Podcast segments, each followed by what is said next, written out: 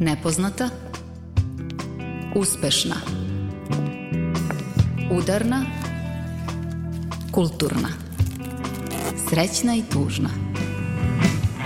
Žena u kutiji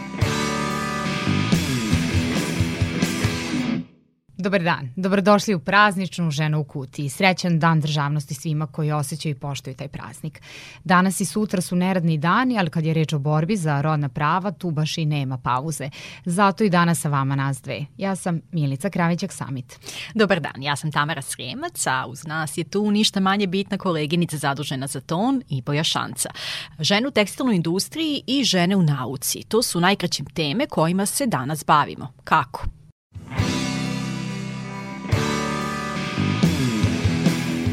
Koliko će istupanje Jovane Bakule, koja je ukazala na loše uslove rada u kompaniji PS Fashion, uticati na ostale obespravljene radnice? Niske zarade, neplaćeni ili neadekvatan plaćeni rad, mobbing.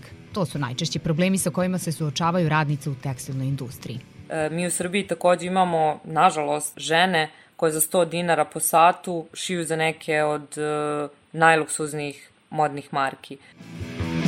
Povodom Međunarodnog dana žena u nauci razgovaramo sa geografičarkama sa PMF-a i to o položaju žena u nauci i našem društvu. Zato mi možemo da kažemo da stvarno ne znamo šta to znači ovaj, kada se neko pritiska za neke stvari, ali sa druge strane treba da priznamo da postoje osobe, postoje žene koje su kažnjene pod znacima navoda samo zato što su žene.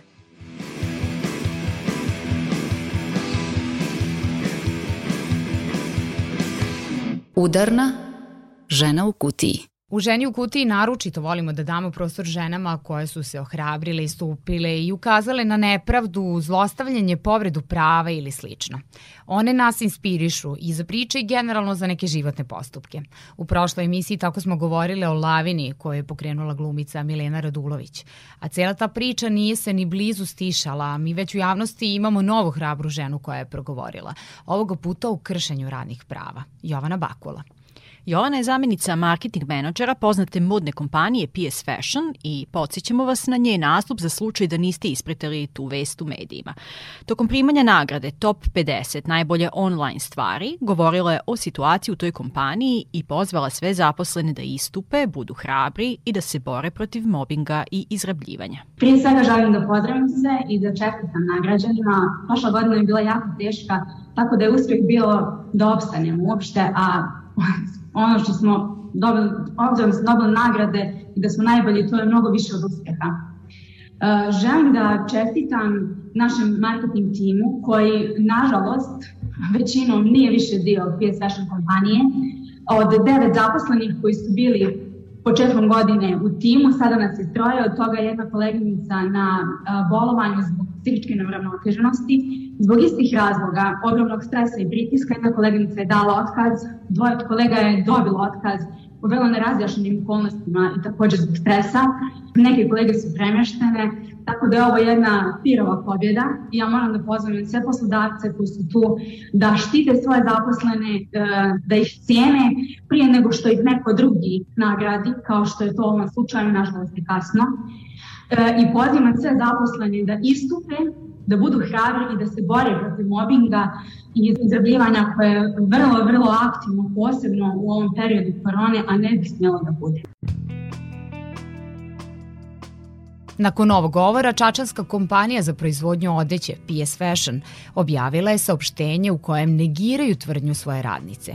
U saopštenju se između ostalog kaže – Konkretno, kada je reč o sektoru marketinga naše kompanije, u toku 2020. u ovom sektoru bilo je devet zaposlenih, od čega su tri koleginice dobile premeštaj na slične ili više pozicije – Nakon interne kontrole i analize učinka, menadžment kompanije odlučio je da dva zaposlena fotografa zbog neefikasnog rada proglasi tehnološkim viškom nakon čega su pomenuta lica uz pripadajuće otpremnine napustili kompaniju. Početkom ove godine jedna od koleginica iz sektora marketinga je iz svojih ličnih i profesionalnih razloga tražila prekid radnog odnosa. Rezimirajući ovu situaciju od pomenutih devet kolega iz sektora marketinga, sada je u ovom timu ostalo troje zaposlenih, drugo troje su prebačeni na slične ili više pozicije u kompaniji, dve osobe su proglašene tehnološkim viškom i jedna je raskinula radni odnos na lični zahtev. Ovo sve se može dokazati u svakom trenutku, jasno implicira da je naša koleginica u svom izlaganju iznela niz neistina. Oglasila se zatim i direktorka marketing sektora Jelena Karanac na portalu Morava Info. Objasnila je razloge za dosadašnje ćutanje i podržala koleginicu. Između ostalog, ona kaže – Duboko verujući da istina mora biti iznad svega, imam moralnu i ljudsku obavezu da podržim moju koleginicu i zamenicu Jovanu Bakulu, ali i sve članove mog tima i posvedočim maltretman koji smo svi zajedno doživeli. Ne želeći da potenciram imena, neko je odlučio da nas precrta, da stavi putaču na nas. Mesecima smo doživljavali negiranje svega što smo do tada radili i zašto smo dobijali pohvale i mnoge nagrade. U atmosferi straha u kojoj je neko ocenio našu efikasnost, degradirana su sva naša znanja, kompetencije i dosadašnji doprinos. Negativne kritike i nezadovoljstvo našim radom, osim brojanjem lajkova ispod objava na našem zvaničnom Instagram profilu, nisu potkrepljeni niti jednim drugim ozbiljnim i profesionalnim argumentom. Samo mail u kome mi se stavlja do znanja da imamo rok od dva meseca da se popravimo. U suprotnom, taj posao će preuzeti neko ko zna više i bolje. Sklanjali su jedno po jedno iz tima, a na pitanje da mi se objasne razlozi takvog postupanja, dobila sam odgovor, bolje da ne znaš. Kada se danas zapitam šta me je u tim trenucima pokrenulo da nas prijavim za izbor top 50 i najbolji Instagram nalog, ni sama nemam objašnjenje. Intuicija da, bez obzira na sve, to moram da uradim, bila je jedino što sam tada imala. Dolazila sam na posao svakog jutra, uprkos tome što sam počela da osjećam fizičke posledice stresa. Suočavala sam se sa poremećajem sna već dugo. Usledili su gubitak apetita, aritmije, nedostatak snage da ustanem iz kreveta. Kada mi je javljeno da smo dobili nagradu za najbolji Instagram profil, već sam bila na bolovanju i pod terapijom. Nakon nekoliko dana saopštenje preduzeća PS Fashion povučeno je sa sajta i zvaničnih naloga kompanije na društvenim mrežama. Na to je ukazala upravo Jovana Bakula na svom Instagram profilu. Hoće li biti pokrenuti sudski postupci, inspekcijski nadzori, za sada nismo uspeli da saznamo i svakako želimo da se ovim i svim drugim slučajima upravo bave institucije. Međutim, zanima nas koliko će javno istupanje Jovane Bakule i njene koleginice promeniti svest kada su u pitanju radna prava, naročito onih koji su zaposleni u tekstilnoj industriji. I kakav je položaj najpre radnica, ali i radnika u toj grani. Dakle, bavit ćemo se poslovnim tajnama. To je tema naše rubrike Udarna koju slušamo odmah nakon meni jedne stvarno od omiljenih pesama i to Nikole Vranjkovića Nikada ti neću više otkriti ni jednu tajnu.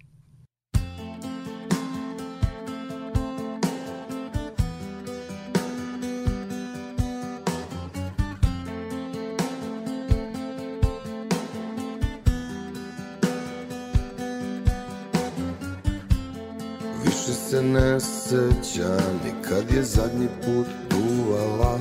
Ima tri meseca, rođe sveti Nikola i nova godina. Vrlo dobro je znam i uvek osetim u kostima. Ne bih rekao nikada da falit će mi vetar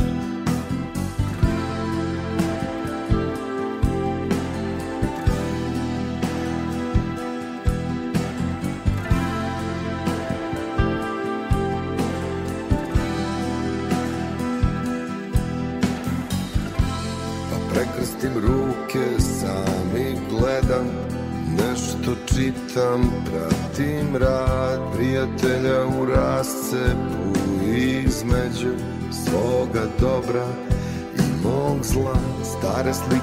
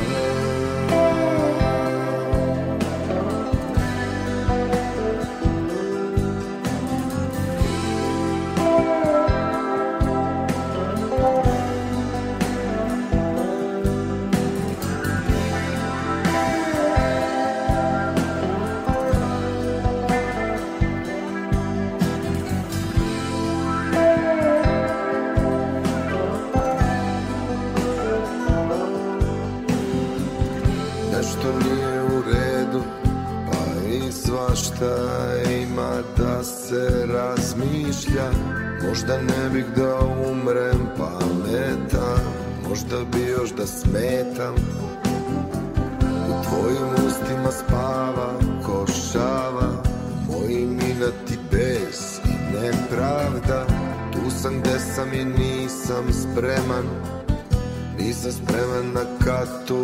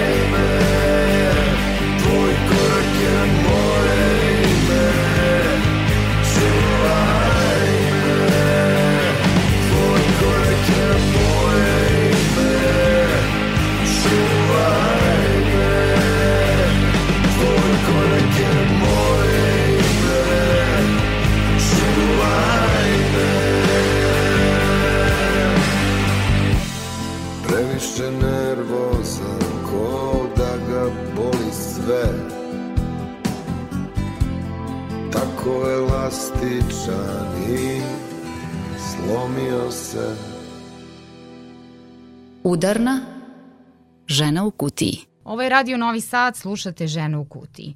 I u rubrici Udarna nastavljamo priču o mobingu i radnim pravima žena, naročito onih koje su zaposlene u tekstilnoj industriji. E pa mobbing u tekstilnoj industriji najverovatnije jedan od najgorih na koje su naišle u dosadašnjem radu. To kažu aktivistkinje Udruženja za radna prava žene Roza iz Renjanina. Iako su problemi u svim industrijama slični, u tekstilnoj grani postoje određene specifičnosti. To objašnjavaju Jelena Bunić iz Udruženja Roza, ali i Bojana Tamindžija, nacionalna koordinatorka Clean Clothes Campaign mreže. Ali, na primjer, u tekstilnoj industriji se ono ogleda možda najviše u tom nekom nekim pretnjama i ucenama ako žene ne mogu da ostvare mesečne norme koje su zacrtane, na primjer koliko komada će odraditi na mesečnom nivou. A te norme su toliko visoke da one prosto su fizički prosto toliko zahtevne da one ne mogu da ih, da ih odrade i onda se tu često dešavaju pretnje otkazima ili smanjenjem plate, od, e, skidanjem određenog procenta i tako to. I rekla bih da su žene onda tu najviše izložene tom nekom psihičkom stresu. Imamo i to čuveno ograničavanje, čuveno i potpuno besmisleno ograničavanje odlaska u toalet, gde se radnicima i radnicima meri koliko puta i koliko minuta praktično treba da im traje zadovoljavanje osnovnih fizioloških potreba. Kad idemo od slučaja do slučaja ima tu svega, znači loša klimatizacija, ventilacija radnih pogona, pa padanje u nesvest postaje nekakva regularna pojava u ovom sektoru. Žene obično rade u skučenim, e, zagušljivim, malim fabrikama, halama i tako to. Pitanje je koliko su izložene možda nekim otrovnim hemikalijama i sličnim materijama. Treba da se ovde da se setimo i one uh, fabrike tekstilne koja se pre nekih sedam godina otprilike srušila u Bangladešu i usmrtila je preko hiljadu radnika. Uslovi u našim fabrikama, nažalost, nisu nešto drastično bolji a pre svega nešto što možda nije karakteristično uh, samo za ovaj sektor, je to negovanje atmosfere straha u kojoj je svako dizanje glasa za elementarna ljudska i radna prava rizik da se trpi šikaniranje, mobbing ili da se dobije otkaz. U tom smislu u fabrikama gde se osniva sindikat, recimo sindikalni aktivisti budu prvi, uh, prvi na udaru. Međutim, za tekstilni sektor, pored svega ovog navedenog, ono što same radnici radnici najčešće ističu uh, kao najveći problem – su zarade koje se u Srbiji kreću u većini kompanija negde oko nivoa minimalca.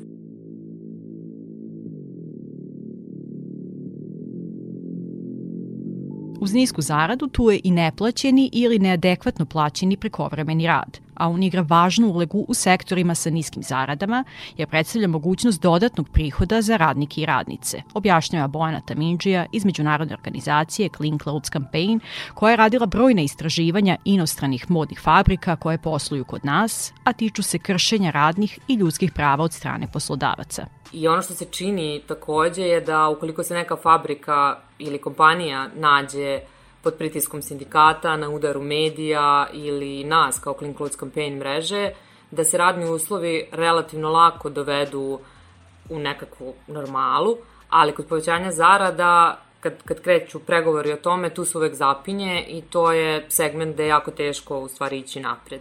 Milica Lupšor iz Udruženja Roza kaže da iako su loši uslovi rada i mobbing dominantni u tekstilnoj industriji, ne postoji preduzeće, ni privatno, ni javno, u kojem mobbing nema neku od svojih manifestacija. Može biti na najrazličitije načine od toga da se neko verbalno napada do toga da zlostavljena osoba ima ili previše posla, dakle dobija previše obaveza ili ima premalo posla, dakle potpuno ignorisana, pa sve do toga da postoje i seksualni napadi, e, dakle različiti su oblici, jedan od najbezazlenijih i najbanalnijih primera mobinga je kada starije kolege šalju svog mladog kolegu ili koleginicu da im donese kafu, doručak i slično. Pandemija je dodatno otežala položaj zaposlenih u tekstilnoj industriji. Na samom početku bio je prisutan problem sa nedostatkom zaštitne opreme za zaposlene, neobezbeđena propisana distanca na radnom mestu i u prevozu, a u nekim firmama radnici i radnice su čak bili forsirani da odu na neploćeno odsustvo ukoliko su morali da brinu o deci zbog zatvaranja škola i vrtića. To kaže Bojana Tamindžija. Međutim, glavni problem na globalnom nivou je bilo otkazivanje poručbina ili odbijanje da se plate već odrađeni poslovi dobavljačima. To je dovelo do masovnog otpuštanja radnice i radnika u tekstilnom sektoru, gde su se niske zarade ponovo ispostavile kao najveći problem. Uh, u tekstilnoj industriji sa svojim platama radnici i radnici jedva prežive mesec i tu nema govora o nekom stvaranju ušteđevine kojom bi se eventualno amortizovali meseci bez plate. Tako da brendovi jesu ostavili dobar deo radnica i radnika bukvalno na ivici egzistencije – u Srbiji su te stvari donekle amortizovane subvencijama države, tako da ovde nismo imali masovna otpuštanja, ali u zavisnosti od toga kako će se dalje stvari odvijati na globalnom nivou, vidjet ćemo da li će se značajnije posledice pojaviti u narednim uh, mesecima. Naša sagovornica napominje da kada je reč o zaradama i poštovanju radnih prava ne postoji nikakva razlika između luksuznih brendova i brendova brze mode. Loši radni uslovi i niske zarade generalno su karakteristični za ovaj sektor, kaže ona. Mi u okviru e, tekstilne industrije imamo globalne lance snabdevanja, što znači imamo sedište brendova u bogatim zemljama Zapadne Evrope ili Amerike i proizvodnju izmeštenu u zemlje jeftine radne snage i ruiniranog radnog zakonodavstva. I nažalost, Srbija i region su se u poslednjih 20-30 godina našli na mapi zemalja sa jeftinom radnom snagom i postali smo primamljivi za organizovanje ovakvog vida proizvodnje. Mi ovdje imamo brendove koji direktno kupe neke pogone, dobiju zato subvencije, imamo dobavljače velikih kompanija koji mogu biti u domaćem ili stranom vlasništvu i mrežu njihovih podugovarača. Podugovarači su najčešće male firme u domaćem vlasništvu i svako tu obavlja svoj deo procesa proizvodnje. E, poenta je u tom da brendovi plaćaju jako male iznose za svoje naručbine i da je izmeštanje sa dobavljača na podugovarače pa sve do kućne proizvodnje ili svet shopova prinuda nekakve ekonomske isplativosti. A po pravilu, što niže idemo duž proizvodnog lanca, loši su radni uslovi i niže su zarade.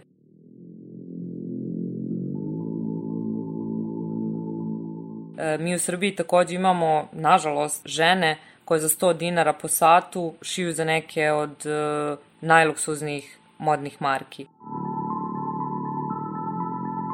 Mi više nemamo tekstilnu industriju, mi kolokvijalno to zovemo tako, mi imamo ready-made proizvodnju za velike modne kompanije. Novca u kompanijama ima. To je jasno na osnovu prihoda koji ostvaruju, dodaje članica Centra za politike emancipacije Bojana Tamindžija.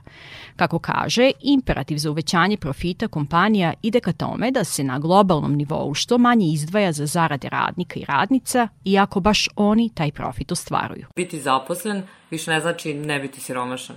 Plati u mnogim sektorima, a naročito u sektoru tekstila, su toliko niske da ne pokrivaju osnovne životne potrebe. I tu dolazimo do fenomena takozvanog siromaštva vremena, gde se u strci za dodatnim poslovima, prekovremenim radom, u potpunosti gubi onih 8 sati slobodnog vremena iz krilatice 8 sati rada, 8 sati odmora i 8 sati kulture ili slobodnog vremena.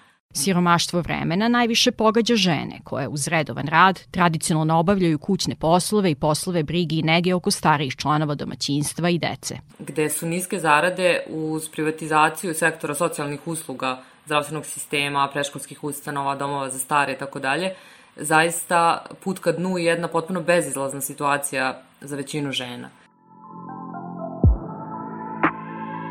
Koji mehanizmi su na raspolaganju da se poprave loši uslovi rada i povrede prava.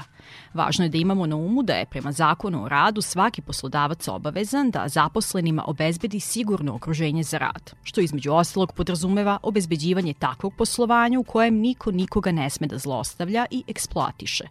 U svakom preduzeću mora da postoji osoba kojoj možemo da se obratimo ako se zakon krši, objašnjava aktivistkinja Roze Milica Lupšor. Međutim, veoma često se dešava da je ta osoba na visokim položajima i da nije spremna da zaštiti one koji su hijerarhijski u nižem položaju, već se staviti na stranu šefa koji zlostavlja, zato se mora pokrenuti i neki drugi postupak, kao što je recimo prijava inspekciji rada ili pokretanje tužbe. Za pokretanje tužbe za mobbing važno je da postoji dokaz da su svi koraci ispoštovani i da se radnica najpre obratila nadležnima unutar kompanije, a od presudnog značaja i pravovremeno prikupljanje dokaza. To objašnjavaju aktivistkinje udruženja Roza, Jelena Bunić i Milica Lupšor. Da bi neko pokrenuo postupak e, tužbe pred sudom za nadoknadu na bilo koji način povodom zlostavljanja na radu,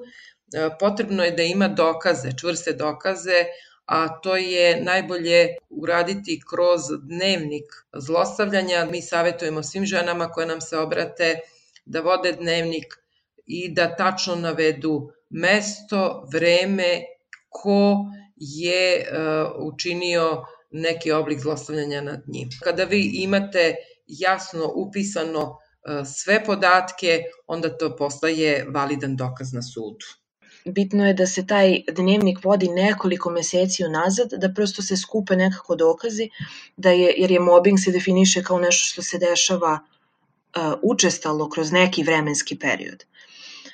Tako da to je jedna od stvari koja je bitna da je radnici znaju, da im je to jako bitna alatka. Ne treba da zaboravimo da su sindikati osnovna instanca zaštite prava radnika i radnica, podsjeća Bojana Tamindžija iz Centra za politike i emancipacije. Važno je sindikalno organizovanje, poručuje ona.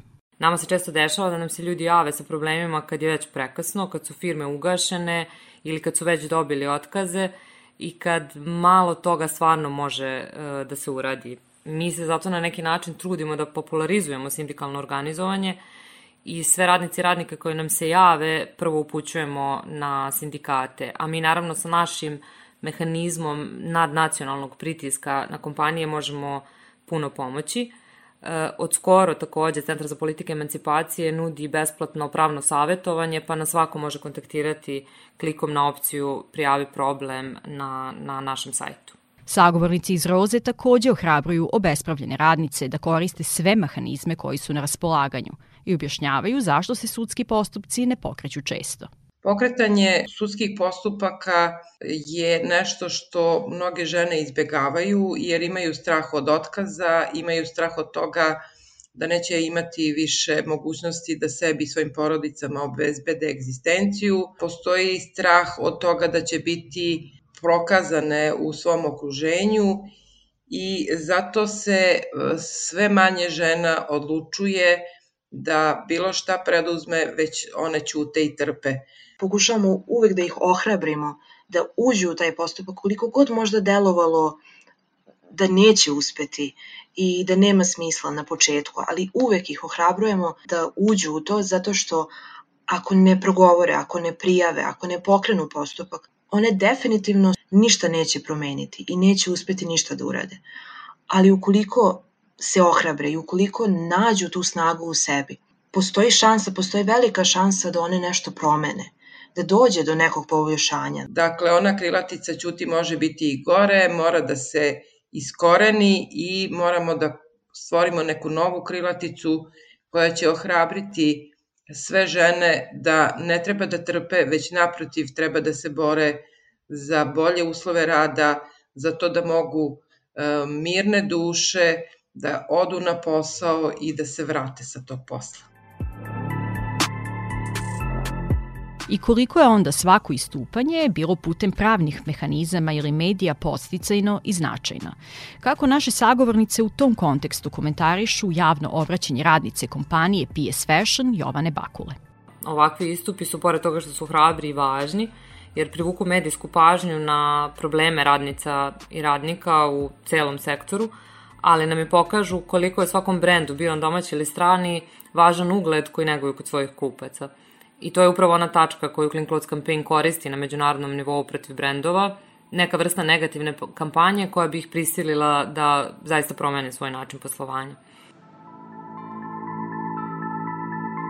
Hrabrost Jovane Bakule i e, ranije Marije Lukić da progovore o onome što im se događa na radnom mestu, o zlostavljanju kojim su bile podvrgnute, je veoma važno. Njihovo istupanje zaista će ohrabriti i neke druge žene i dok se taj ženski glas ne bude e, više čuo, dok ne bude više prisutan, nećemo moći ni da rešimo probleme koje imamo vezano za nasilje na radnom mestu. Potrebno je da žene postanu hrabrije, da se osnaže, potrebno je i da pružimo podršku svim onim ženama koje istupe, jer ako nisu same, sigurno će biti i spremnije da se bore za sebe i za osobe u svom okruženju.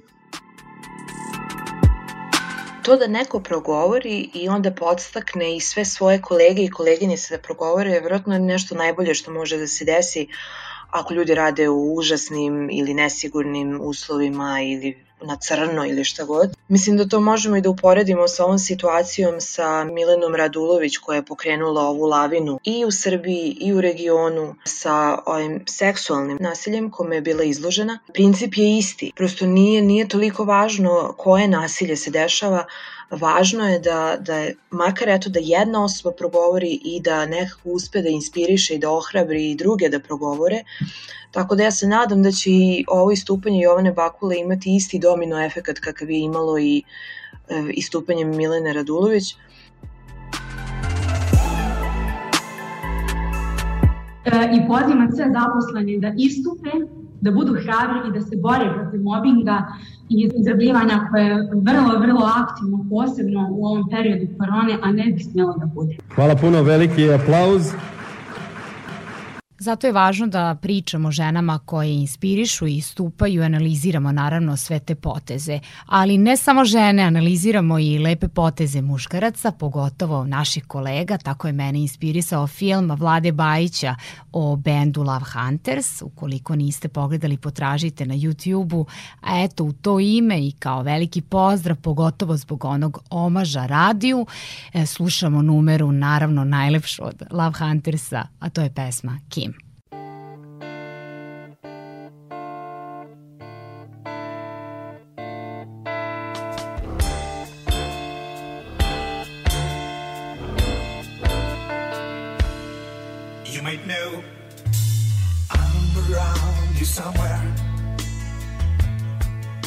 You're scared to look for me on streets.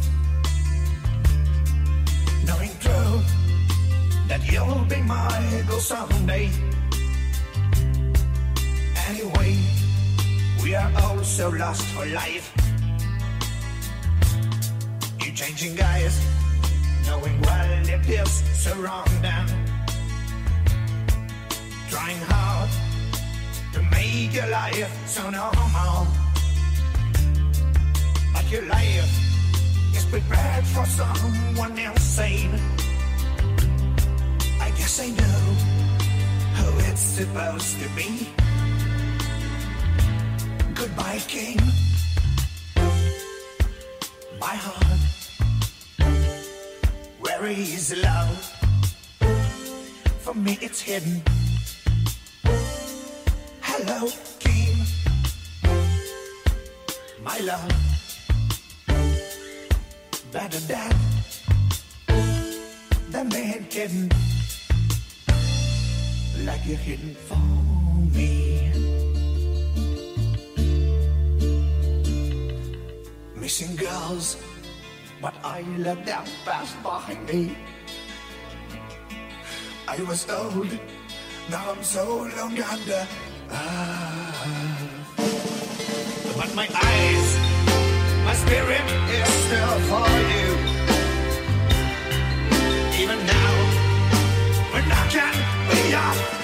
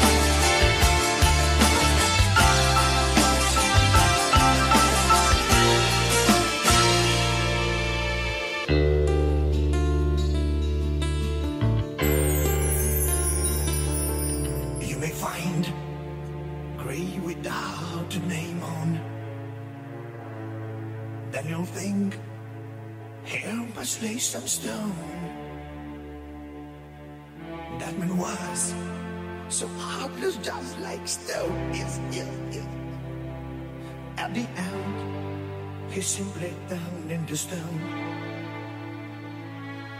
If they ask when he's sitting in your forest,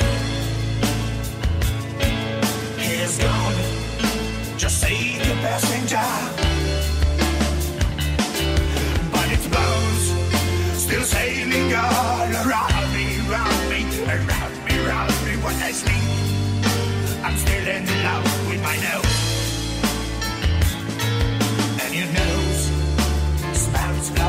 Flowers from below. Waiting light, that will never come. Cause my light is nothing but you, darling,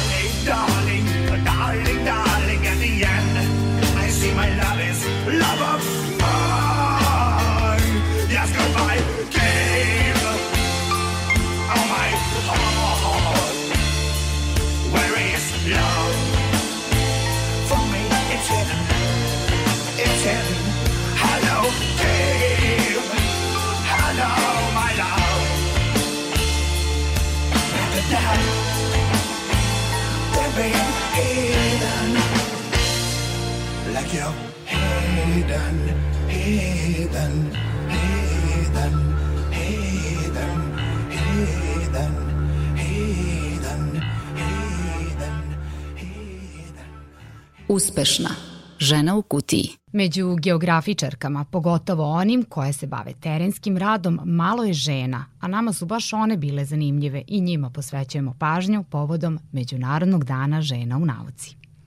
Biljana Basarin je vanredna profesorka na katedri za fizičku geografiju Prirodno-matematičkog fakulteta, a Dajana Bjelajac je mlađa koleginica sa katedre za regionalnu geografiju. Kažu da su prvi put upitane za analizu toga kako se kao žene osjećaju u svom poslu. Naravno, prvo ih predstavljamo kao vrstne naučnice, jer je najvažnije ono šta i kako rade, a ne da li su to postigle kao žene ili muškarci. Profesorka Biljana Basarin bavi se istraživanjem klimatskih sistema, Možda nam nije jasno šta to sve podrazumeva, ali svima su nam poznati letnji topli talasi, užasno visoke temperature, pa onda suše, poplave, kao i strašno hladni talasi koji nas baš u ovom periodu muče. Zašto nas to interesuje? Zato što utiče na sve nas.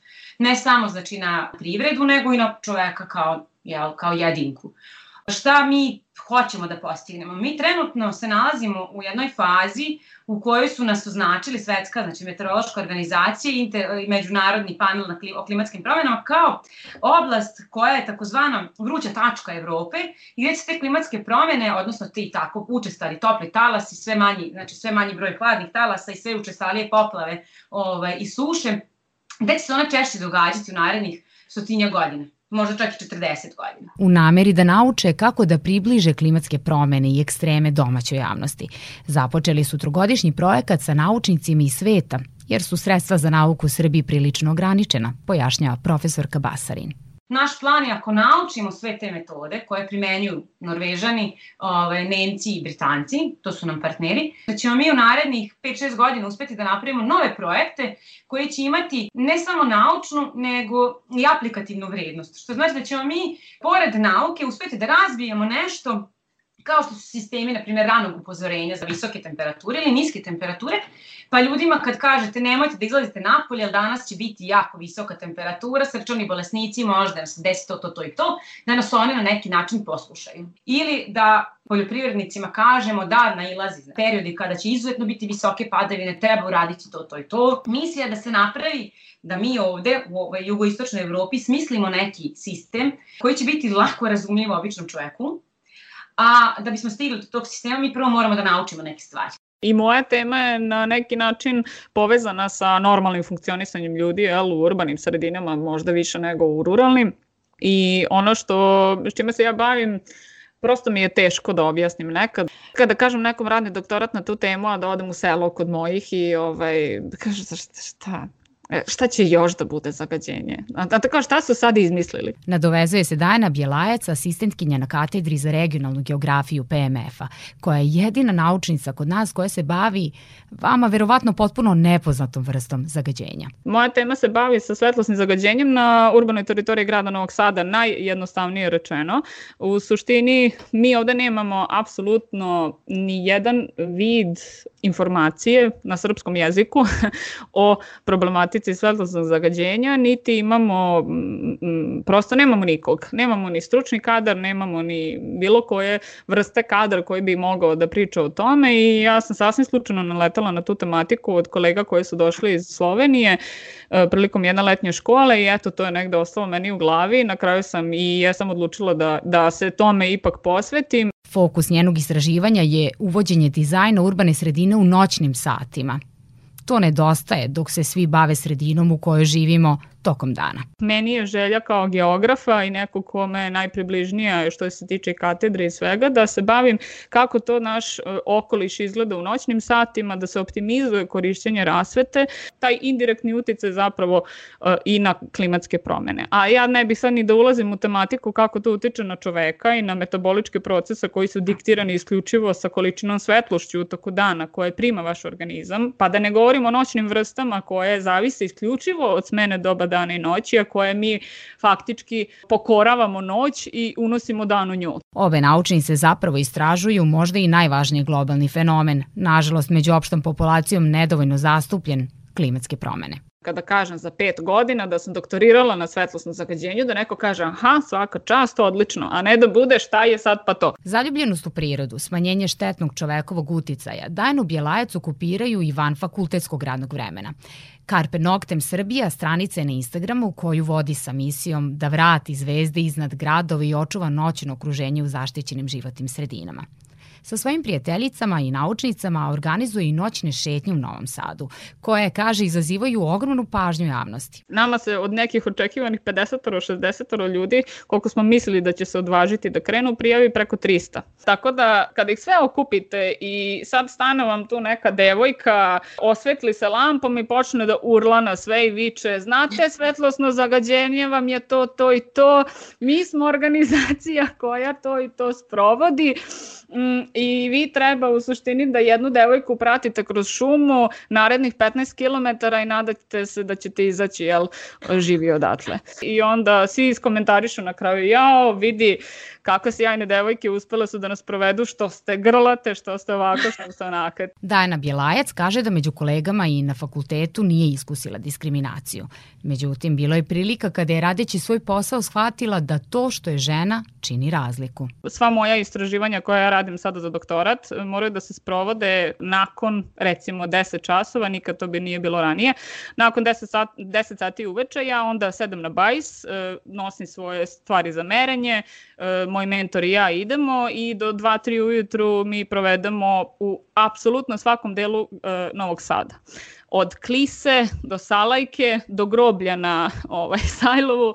Dakle, m, prosto taka nam je e, istraživanje da moramo da napravimo određen broj tačaka u noćnim satima, da izmerimo i da na osnovu toga posle možemo da napravimo neku kartu. Da sada o tome ne dužim, ali pojenta jeste da ja kao žensko zaista se ne bih usudila da odem na klicu sama i da mogu da uradim to sve sama i mogu sama da u suštini mnogo druže, ali mogu to da uradim sama, ali se bojim. Ona dodaje da je najveći problem prisustvo nasilja prema ženama u našem društvu i strah koji se automatski aktivira. Na sad, ko je tu kriv? mislim, toliko je sistema ovaj, od kojih treba početi da, da, da bih sada izdvojila jednog krivca. Dakle, e, kao prvo, ja kao žensko mogu da idem i treba da idem gde god ja mislim da treba da idem. Ovaj, ovo što to ne treba da bude pitanje, ali e, jeste pitanje. Prosto nećete samo sebe da stavljate u takvu situaciju. Profesorka Biljana Basarin do sada se nije srela sa nekim eliminišućim faktorima na svom naučnom putu, a od uvek je uglavnom radila sa muškim kolegama. Nisam imala nikakvih problema sa, sa tim što sam žensko u nauci.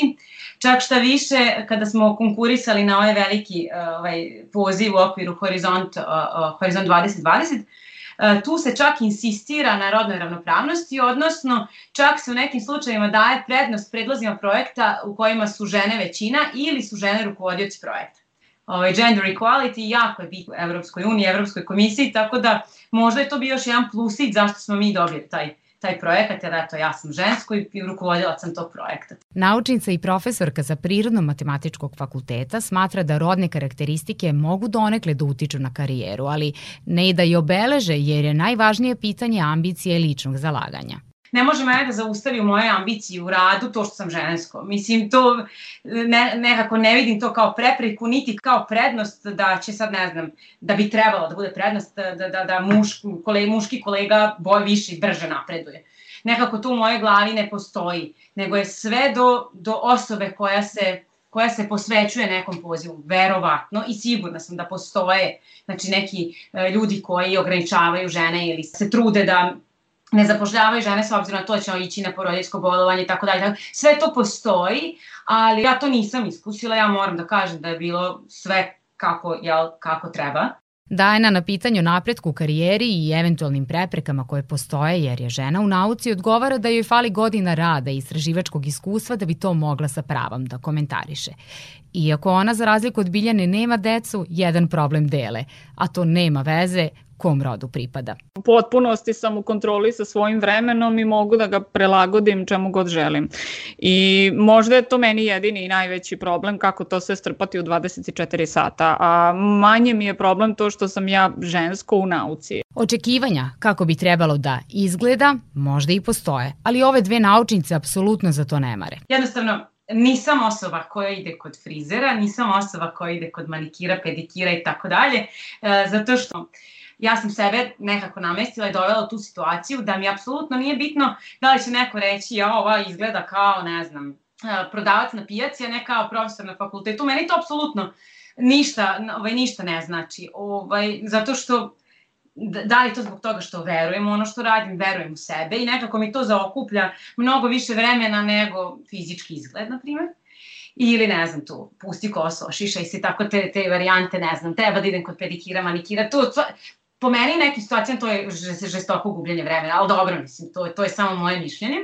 Uh, inače, uh, uh, ni ne šišam se kod frizera, muž me šiša, to nije ništa tako komplikovano i strašno kad imate mašinicu, to jako brzo ide, ide tako da ne gubim vremena na to, ovaj, na spremanje ujutru i tako dalje. Naravno, za nekim situacijama morate da se prilagodite i to je sasvim normalno, ali to nije samo zato što sam žensko, nego zato što situacija tako nalaže.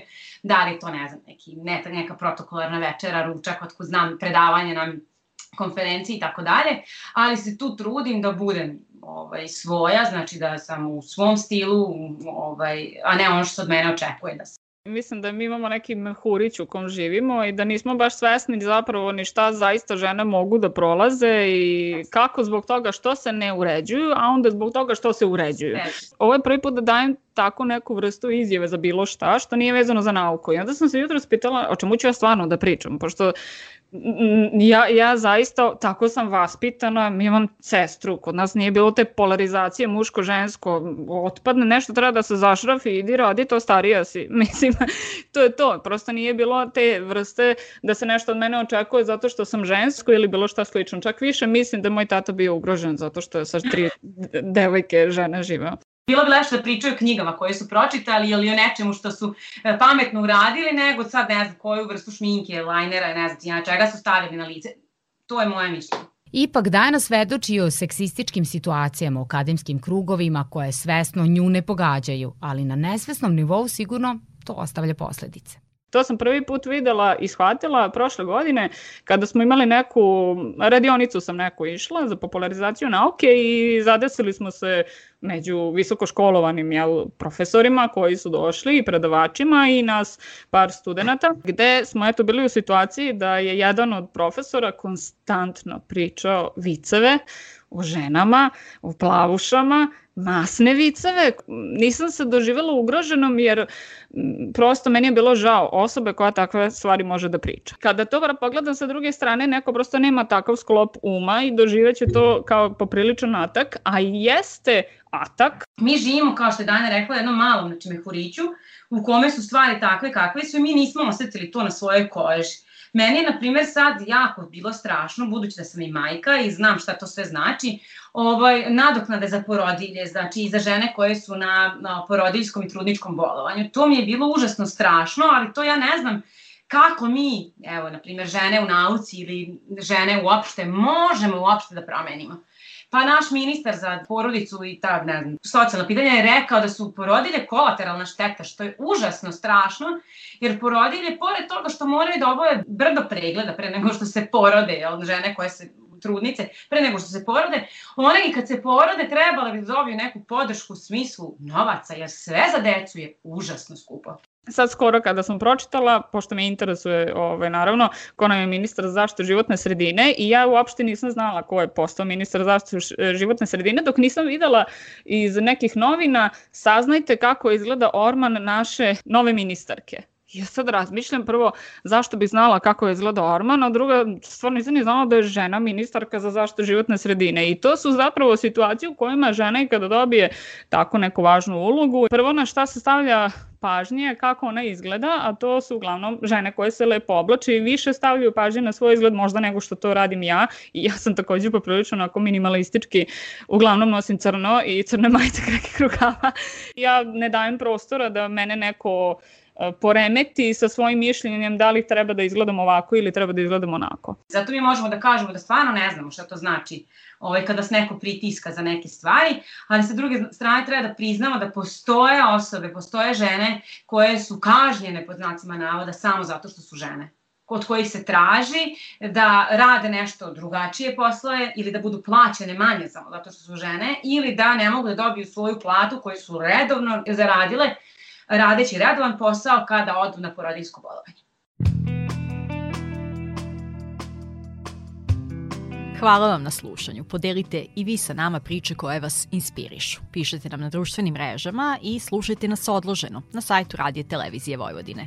Tu smo ponovo za dve sedmice. Mi smo Milica Kravićak Samit i Tamara Sremac i naravno naša koleginica zadužena za to i Boja Šanca.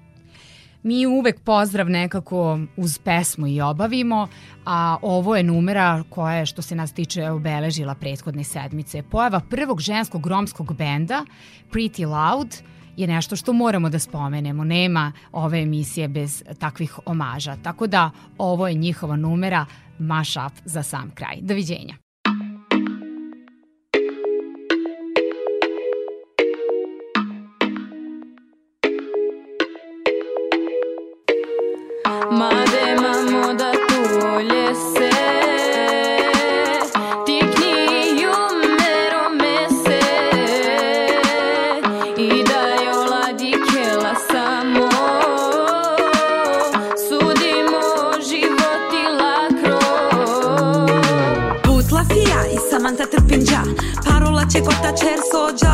Ali morate mangel žrtva te ovel Peda desoro lafi te na gazinel. Ađi kare samanta romeljelja Hem sarineđa je da odovao i namangja Nikad oj bahtaljina ka ovel Ala korodat ola kimen kapiravel All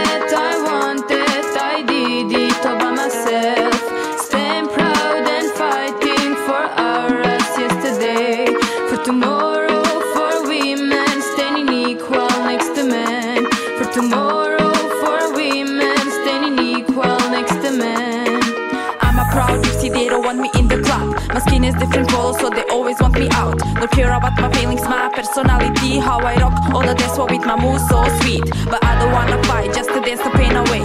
Come together now, join us in the pain. Join us in the pain. Join us in the pain.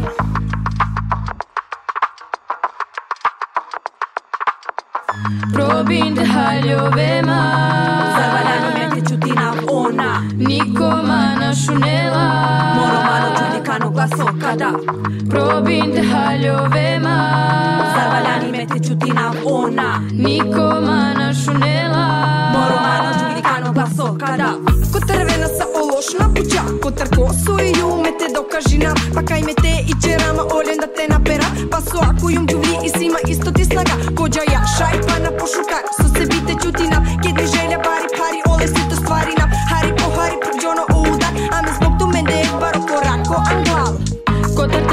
te čali čola Sarmo tove a tuto mangipe. Ma te garave od ova Sari neđe pošukarke da on Nije izmišljena reč, već je stvarna.